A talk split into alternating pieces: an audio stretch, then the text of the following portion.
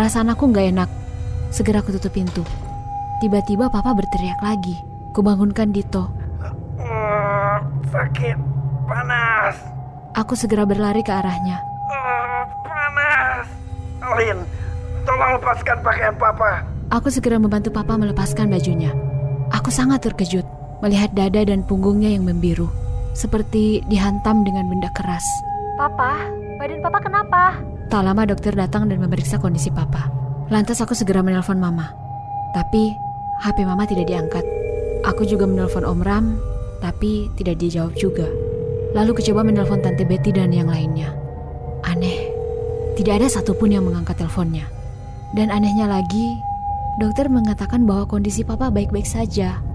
Semuanya stabil. Tapi, mengapa tubuhnya semakin lama semakin membiru? Papa, papa kenapa? Aku mendekati papa sambil terisak. Dito pun histeris. Beberapa perawat datang mencoba menenangkan papa. Sudah 30 menit berlalu, namun kondisi papa tidak membaik. Aku coba berkali-kali menelpon orang di rumah, tapi belum ada satupun yang menjawab teleponku. Tiba-tiba papa kejang-kejang dan keluar buih dari mulutnya. Ya Allah, papa, ada apa ini? Mata papa melotot. Dokter datang lagi dan mempersilahkan aku untuk menjauh. Aku melihat dokter dan perawat bertindak cepat dan mereka kini memakai alat defibrilator untuk memompa jantung papa. Dito memelukku sambil menangis. Papa mengerang dan kejangnya belum berhenti. Tapi gerakannya semakin lemah. Papa, dokter mengatakan bahwa mereka telah berupaya dengan maksimal tapi Papa tidak bisa bertahan lagi. Aku dan Dito berlari ke arah Papa dan aku tidak ingat apa-apa lagi.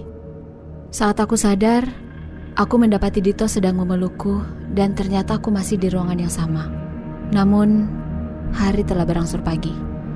Kulihat Mama telah datang dan sedang menangis di samping jenazah papa yang telah ditutup dengan selimut putih. Tapi tunggu, bukankah itu Oma?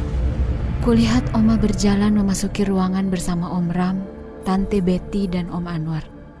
Oma terlihat segar bugar. Ada apa ini? Sudahlah Mia, apa yang kamu tangisi darinya? Dia yang selama ini mengirimkan Doti kepada Mama. Bertahun-tahun Mama sakit gara-gara dia. Sekarang dia sudah mendapatkan ganjarannya. Dan setelah dia mati, kini Mama bisa sehat kembali. Mungkin kamu juga sudah termakan ilmunya selama bertahun-tahun. Tante Betty melihatku dan berkata, Wah, kamu sudah besar ya, Alin.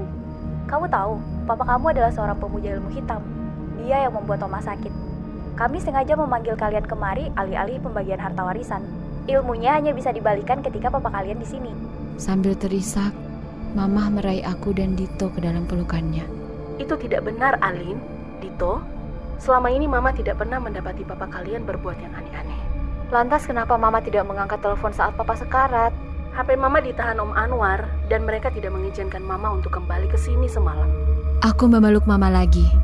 Dari balik tubuh Mama, aku melihat Om Anwar dan Tante Betty saling bertatapan dan tersenyum penuh arti. Aku ingin kembali dan membawa Papa ke Jakarta.